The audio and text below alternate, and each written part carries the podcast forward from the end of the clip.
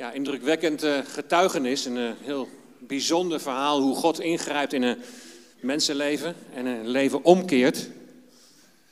Maar mijn vraag is, wat is jouw verhaal? En wie is Jezus voor jou? Je hebt misschien heel veel over hem gehoord. Ik denk de meesten die hier zijn, die hebben over hem gehoord. Misschien de kinderen van de, van de kinderdienst. Jongeren op de jeugd. Verhalen. Maar wat is jouw verhaal? En wie is Jezus voor jou? Misschien heb je er nog niet eens zo heel, heel diep over nagedacht. En misschien schuif je het wel een beetje voor je uit van, nou ja, kom, komt nog wel een keer. Ik ben nog heel jong. Of misschien is Jezus voor jou wel een ticket naar de hemel. Hij heeft jouw zonde gedragen aan het kruis en hij heeft je zonde vergeven. En dan mag je toch weten dat je na dit leven voor altijd bij Hem zult zijn. Maar hoe is het vandaag? Wie is Jezus vandaag voor jou? Elke zondag is hier om 12 uur een dienst voor vluchtelingen uit de Oekraïne. En dan lezen we iedere keer lezen we een klein gedeelte uit het Marcus-evangelie. En dan staat iedere keer de vraag centraal: wie is Jezus? En vanmorgen lezen we ook uit Marcus. En ik wil jullie uitleggen wie Jezus is en waarom dat zo belangrijk is. En daarna zal Jos zo meteen, die zal jullie meenemen in wat het nou betekent om, om Jezus na te volgen. Ik lees maar één vers. En het is het eerste vers van het Marcus-evangelie. In Marcus 1, vers 1, daar staat het begin van het evangelie van Jezus Christus, de Zoon van God. En aan de hand van dit ene vers kan ik jullie laten zien wie Jezus is en waarom Hij zo belangrijk is. E, even tussendoor. Weten jullie wat fantoomvibratiesyndroom is? Wie heeft daar wel eens last van? Het fantoomvibratiesyndroom. Dat is als je onterecht denkt dat je een berichtje hebt ontvangen. Je denkt van, oh, het trilt een beetje of... Oh nee, toch niet.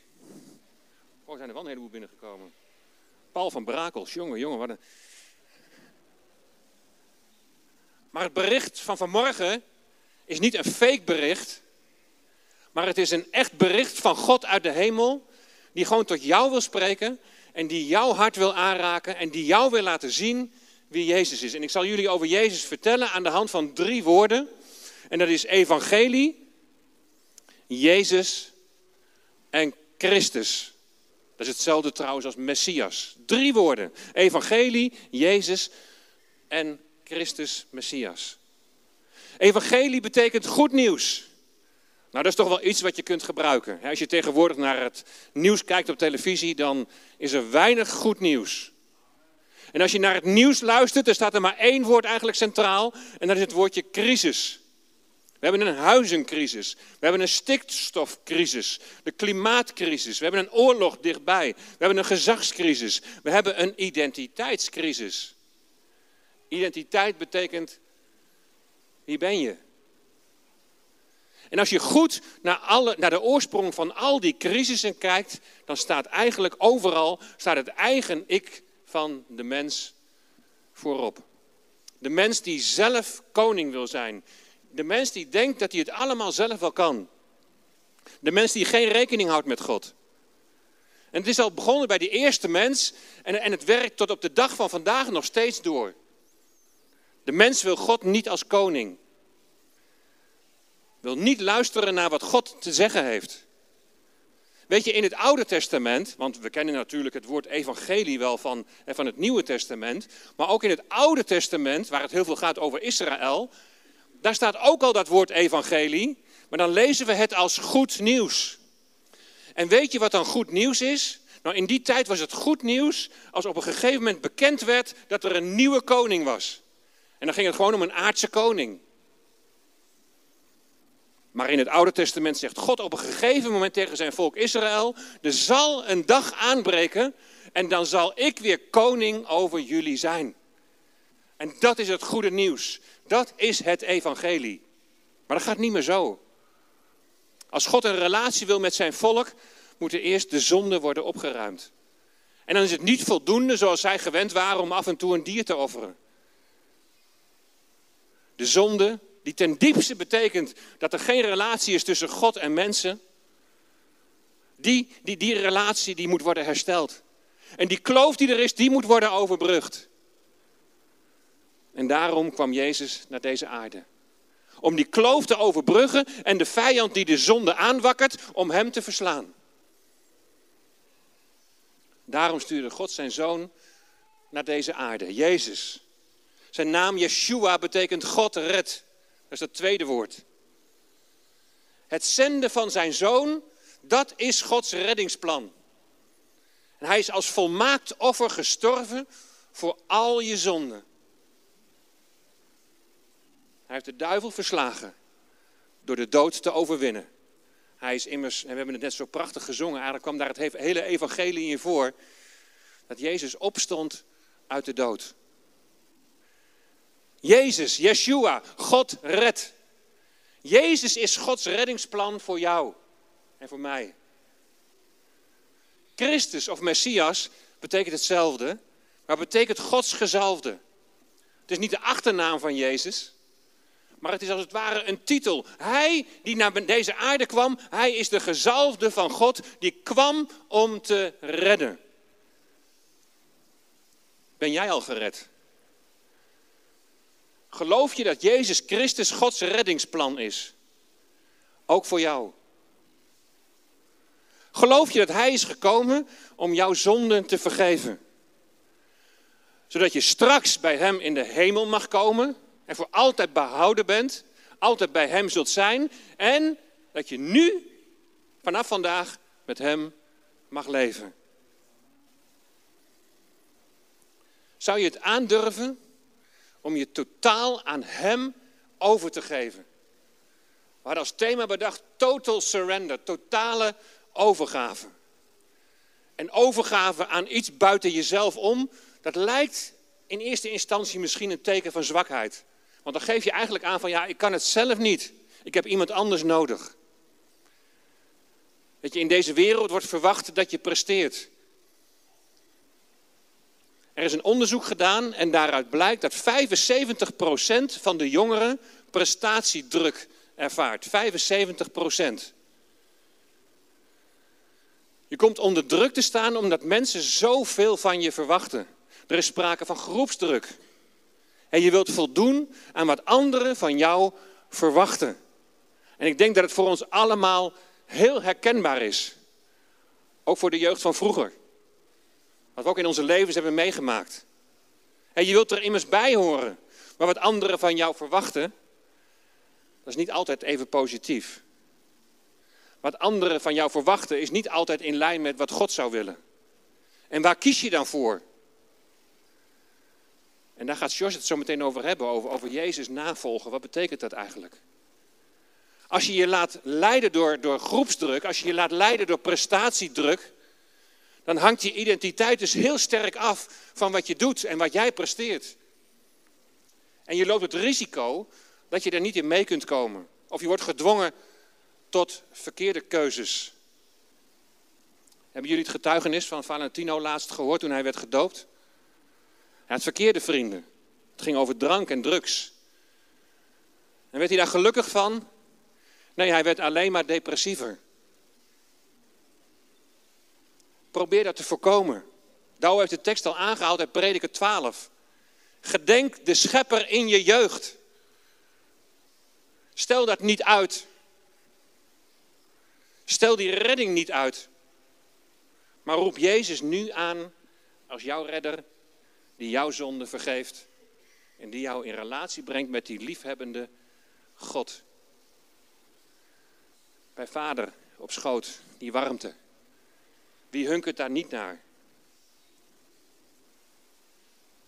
Dan hangt je identiteit als je tot hem komt niet af van wat jij allemaal doet en wat je allemaal presteert maar wie je bent geworden door Hem en wie je bent geworden in Hem.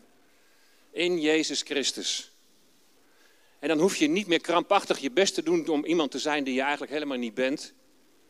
Dan hoef je je niet stoer te doen om, om, om erbij te horen. Dan hoef je op school ook niet boven je niveau te werken, omdat anderen dat misschien van jou verwachten. Waar het dan alleen nog om gaat, is hoe God, hoe jouw schepper naar jou kijkt. En als hij naar jou kijkt, als jij je volledig aan hem hebt overgegeven. En zegt, Heer Jezus, ik dank u wat u aan het kruis hebt gedaan. Ik dank u dat mijn zonden zijn vergeven. Als hij dan naar jou kijkt, dan ziet hij zijn zoon. In jou. Want als jij gelooft, dan ben je namelijk één geworden met hem. Door de Heilige Geest die in je komt wonen. Wat een wonder. En God ziet niet naar wat je wel kunt en wat je niet kunt.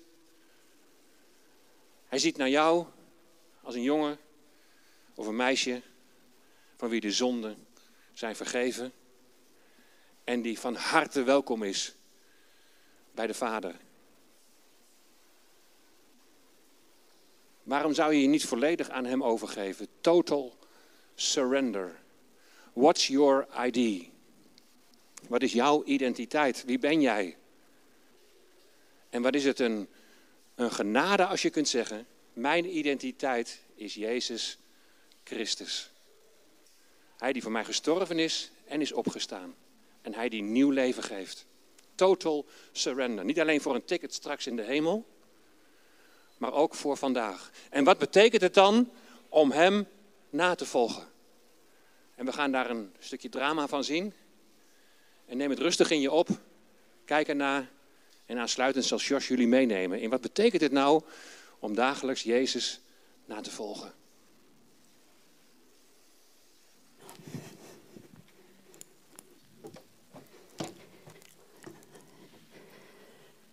He, zo, nou. Lekker, een avondje voor mezelf. Eens even kijken. Uh. Nou, wat is er op tv? Hey. oh ja, goede tijden, slechte tijden, wauw. Oh, echt? Ze hebben eindelijk het jaarwoord aan elkaar gegeven. Nou, dat heeft lang geduurd, zeg. Jongen, jongen, jongen. Wow, Jezus, uh, uh, Heer. Uh, wow, u, dat is lang geleden. Wat, ehm, ja, wat ben ik blij om u te zien. En ja, het, het, is wel heel lang geleden, Heer. ja, sorry, ik had het zo druk. Want ja, nou ja, mijn studie en ja, je moet natuurlijk ook wat geld verdienen, hè? Want ja, je moet allemaal leuke dingen doen, toch? En uh, oh ja, hier, dan hebben we ook nog heel veel vrienden. En uh, ja, daar wil ik natuurlijk ook mee omgaan. He, tijd aan besteden. Maar, uh, maar vanavond heb ik niks. He, en dan kunnen u en ik samen gewoon de hele avond ja, tijd doorbrengen. ik kan naar uw verhalen luisteren. En even kijken, ik heb ook ergens nog een, een Bijbel. ja, even kijken hoor, heren. Waar heb ik die nou toch? Uh, even zoeken hoor. Oh ja, kijk, hier heb ik hem. Oh, wacht uh, een momentje hoor, heren. Hè? Sorry, sorry. Oh, uh, moment, er wordt aan de deur geklopt. Sorry. ja, ehm, Hoi, wat gezellig. Wat fijn dat je thuis bent. hey, je moet echt komen vanavond. Er is een feestje bij Ben. Super belangrijk. Je moet echt komen. Een feest? Oh, uh, um, uh, nee, sorry. Dat, uh, nee, ik, ik heb andere plannen. Dat gaat niet. Wat is er nou belangrijker dan een feest bij Ben? Weet je nog de vorige keer de hele nacht door lekker dansen met z'n allen? Ja, dat was wel leuk, hè? Maar, maar, maar nee, ik, ik, heb echt iets gepland, namelijk. Um... Maar weet je wie er ook is? Peter.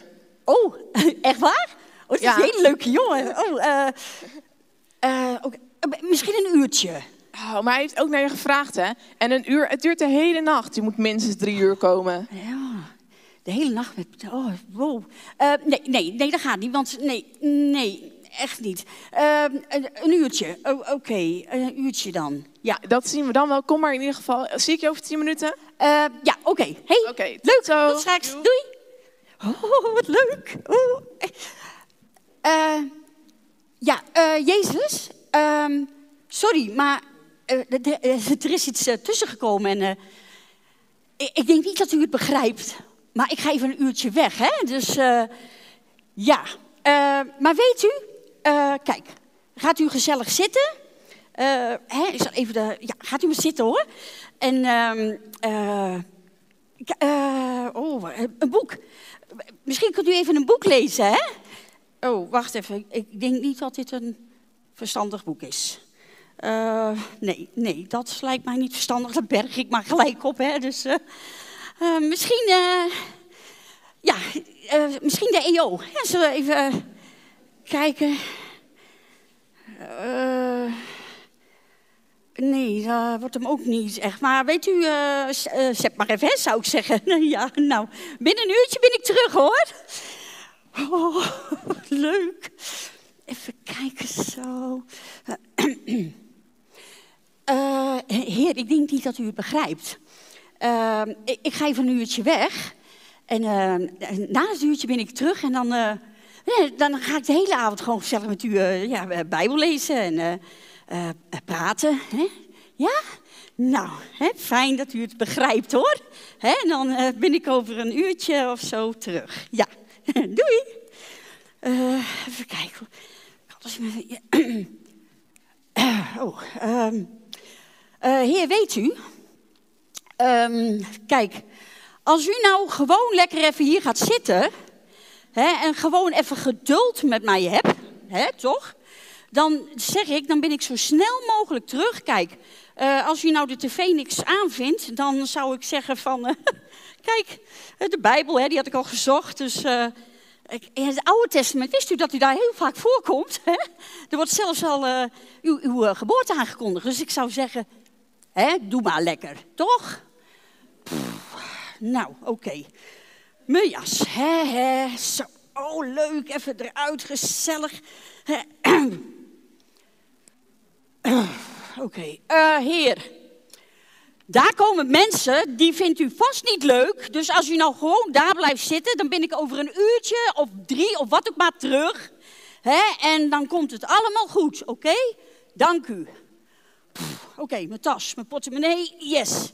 Hè. Nou.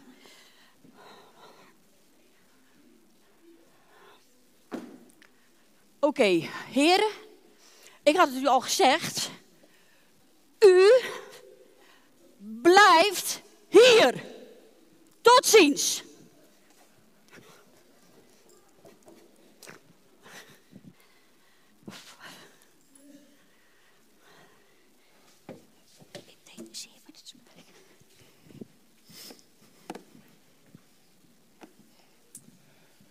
Ja, Jezus volgen. Een hele goede morgen iedereen. Mijn naam is George Scheepsma.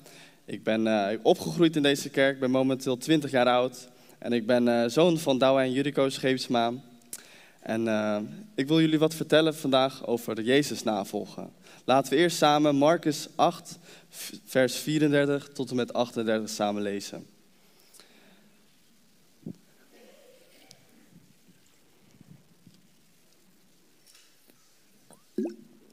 Marcus 8, vers 34 tot en met 38. Hij riep zijn leerlingen en de vele mensen die bij hem waren toegestroomd bij zich en zei: wie, mij, wie, bij mij wil horen, moet zichzelf niet belangrijk vinden. Hij moet zijn kruis opnemen en mij volgen. Want wie zijn leven wil behouden, zal het verliezen. Maar wie zijn leven vanwege mij voor Gods plan verliest, zal behouden. Wat hebt u eraan de hele wereld te winnen en uw leven te verspelen? Wat kan een mens geven in ruil voor zijn leven? Wie zich in deze tijd van ontrouw en misdaad voor mij en mijn woorden schaamt, voor hem zal ik de mensenzoon mij ook schamen als ik met de heilige engelen in de heerlijkheid van mijn vader kom. Wil jij deze Jezus volgen? Hij vergeeft je van je zonde, voor alle slechte daden die jij hebt gedaan in je leven. Alles wordt vergeven. Hij geeft jou het eeuwige leven en hij is je toegang tot het eeuwige leven, waar je bij hem zult zijn. Het is geweldig mooi, het evangelie. Maar wat ga je daarvan terugzien in je dagelijks leven? Wil je hem echt volgen? Vandaag, morgen overmorgen, volgende week, volgende maand, volgend jaar? Diezelfde vraag kregen zijn leerlingen ook. Petrus had vlak hiervoor nog gezegd dat hij kende dat Jezus de Messias is. Hij heeft dus duidelijk tegen Jezus uitgesproken dat hij gelooft in Jezus. En Jezus heeft het letterlijk gehoord. Heb jij dat ook al gedaan? Letterlijk uitgesproken naar Jezus? Dat je gelooft dat Hij je redder, verlosser is? Dat Hij voor jou aan het kruis is gegaan en voor jou ook weer opgestaan is? Als dat antwoord ja is, dan is dat geweldig. Dan ben ik enorm blij voor je. Maar daar hoort Jezus volgen bij. Hoe je hem moet volgen, vertelt hij in vers 34. Wie bij mij wil horen, moet zichzelf niet meer belangrijk vinden. Hij moet zijn kruis opnemen en mij volgen. Best radicaal. Niet belangrijk vinden betekent eigenlijk jezelf wegcijferen. Het gaat niet meer om jou, maar het gaat om wie jij volgt. In dit geval Jezus. In een wat moeilijke Bijbelvertaling staat dat jij jezelf moet verloochenen.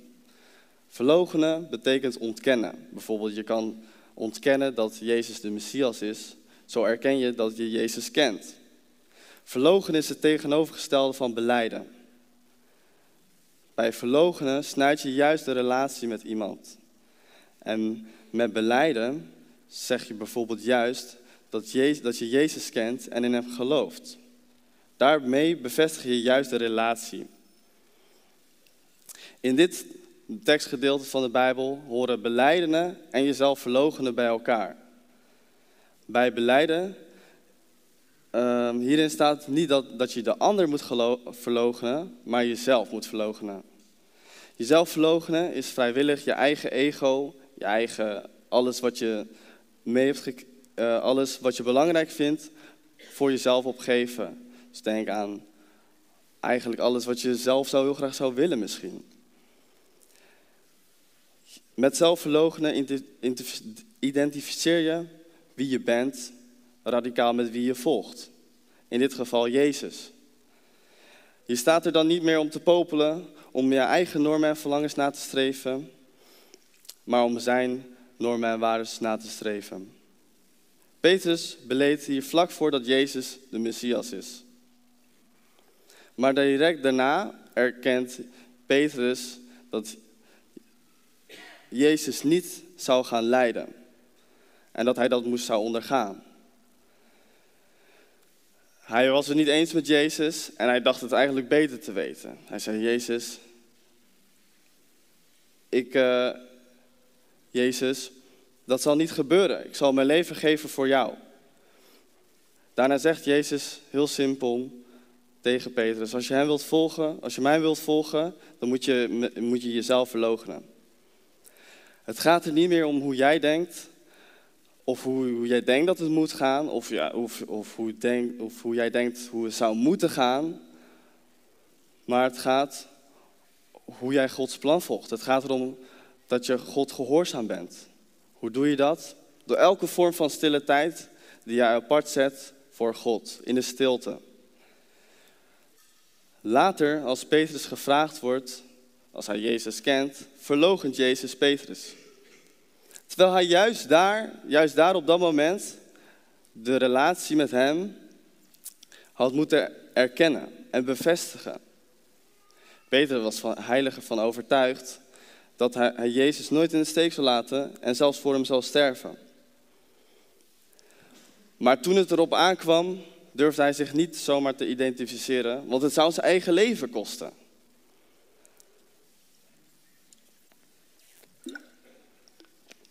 Hij verloochende Jezus en niet zichzelf.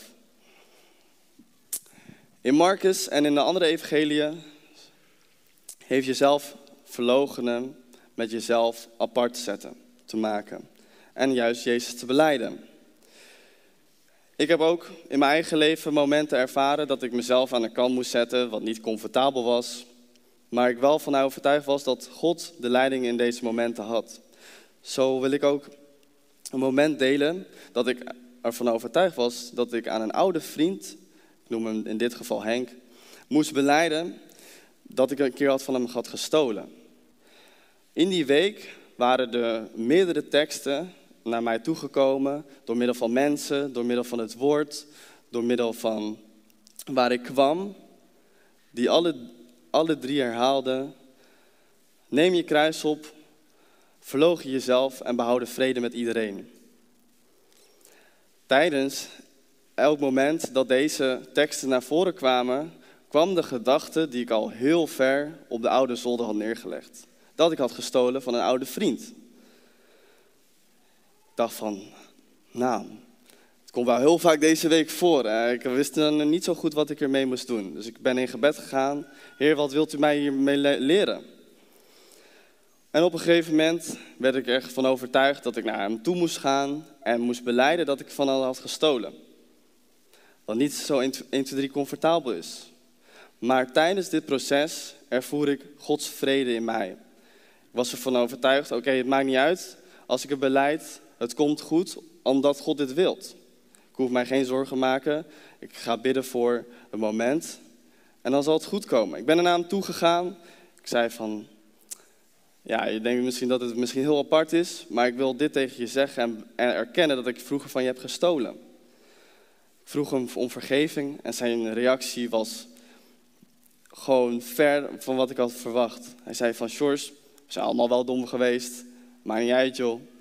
En daarna heb ik hem gewoon kunnen vertellen waarom ik naar hem toe ben gegaan om te vertellen dat ik had gestolen van hem. Ik had berouw, het bleef aan me knagen. En dit is een, um, dit is een uh, ja, moment in mijn leven geweest waar ik mijzelf apart moest zetten en ja, zo um, gehoorzaamheid naar Jezus toonde. Misschien roept je zelfverloochenen wel heel veel weerstand bij je op. Misschien denk je van, nou, moet ik dan me nog verder verwerpen? Moet ik me nog lager op de grond trappen? Misschien heb je geen goed zelfbeeld of ben je al onzeker.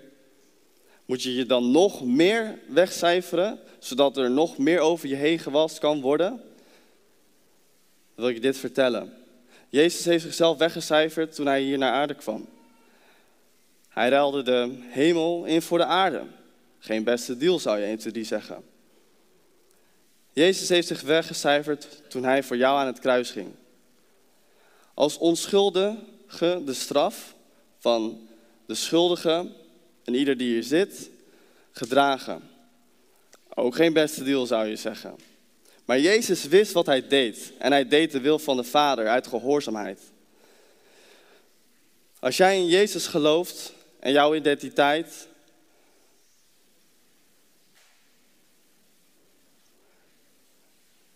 Wie je bent in Hem. Geloof daarin en erop gaat staan, dan word je juist enorm krachtig. En dat is wat God graag voor jou wilt. Door die totale overgave, total surrender, kan God zijn kracht in jou laten zien. Dan ga je in echte waarheid leven. Zelfverloochening is een eenvoudige manier om in te gaan zien dat we niet altijd onze zin hoeven te krijgen. Het is de vrijheid om de anderen de ruimte te geven om de belangen van een ander hoger te achten dan jezelf. Dat is Jezus navolgen. Zelfverloochening in het spoor van Jezus is nederigheid, dienstbaarheid, naaste liefde en het staat tegenover hoogmoed, arrogantie en narcisme. Zelfverloochening komt tot uitdrukking in het vrij worden van de behoefte om alles te krijgen wat jij wilt. Neem je kruis op. Je kruis dragen is niets iets anders dan zelfverloochening. Het is de radicale toespitsing ervan. Juist in het lijden, je kruis opdragen, volg jij hem na. Misschien ben je de enige in de klas die gelooft. Misschien ben je de enige in je omgeving die gelooft. Op werk, of op de sportvereniging. En als je dan zegt tegen mensen, ja, Jezus, Jezus is mijn redder en mijn verlosser. Hij is de weg voor het eeuwige leven. Dan lachen ze je misschien uit. Je hoort er niet bij, ze gaan je negeren. Als je dan toch een beetje afzwakt en je probeert toch een beetje mee te doen, dan ben je eigenlijk bezig om de wereld te winnen. Laat je hier niet in meeslepen. De wereld winnen betekent eigenlijk niet doen wat God wil. dan ben je bezig om je leven, het eeuwige leven, te verspillen.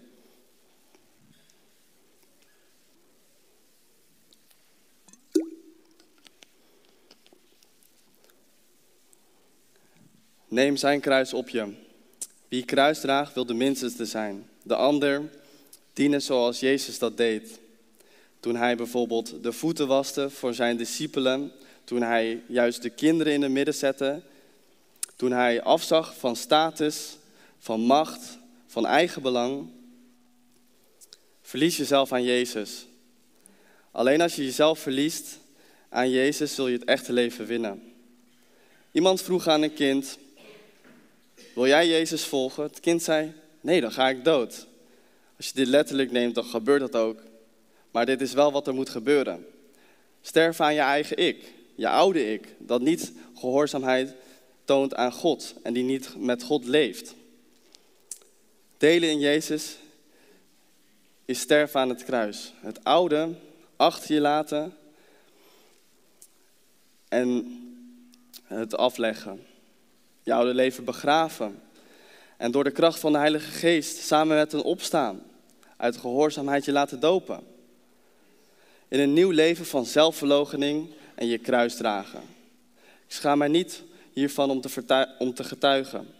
Anders zou Jezus voor mij schamen, heeft hij net hebben we net gelezen. Total surrender. Geef je leven aan Jezus. Dank voor Hem, voor Zijn redding en voor volg Hem na. Geef niet op, ook al lukt het zelfverloochening niet altijd. Petrus kon ook niet, nog niet zichzelf verloochenen. Dat wist Jezus en de haan kraaide drie keer. Maar Petrus, toen Petrus Jezus woorden herinnerde, werd hij, kreeg hij berouw en herinnerde hij de woorden. Hij barst uit in verdriet. Maar werd Petrus afgeschreven door Jezus? Zeker niet. Hij werd later gebruikt vurig om het evangelie te verspreiden, zoals in Handelingen te lezen is. Mag de band alvast naar voren komen? Bij God kan je altijd opnieuw beginnen. Ook al heb je een keuze gemaakt, ook al heb je een keer de overgave gegeven, bij Hem kan je altijd opnieuw beginnen. Wie of wat jij gaat volgen. Wil jij eerst alles van de wereld uitproberen en dan er pas achter komen dat dat je niet gelukkig maakt of dat je er niet van gelukkig van wordt? Of kies jij nu voor Jezus en volg je Hem na? Total surrender, totale overgave. Als jij het verlangen hebt voor die totale overgave, hebben we een moment dat een soulcare team voor je kan bidden. Dat is hiervoor. Heb je het verlangen, om, heb je verlangen dat er uh, voor je gebeden wordt? Ik moedig je aan om naar voren te komen, voor je te laten bidden. Ook als je naast je ouders zit. Laat dat niet de drempel zijn om naar voren te komen. En als je het verlangen hebt in je hart, en gewoon echt besef van, ja, ik wil uh, totale overgave ervaren, dan mag je naar voren komen. Dan bidden we samen voor je.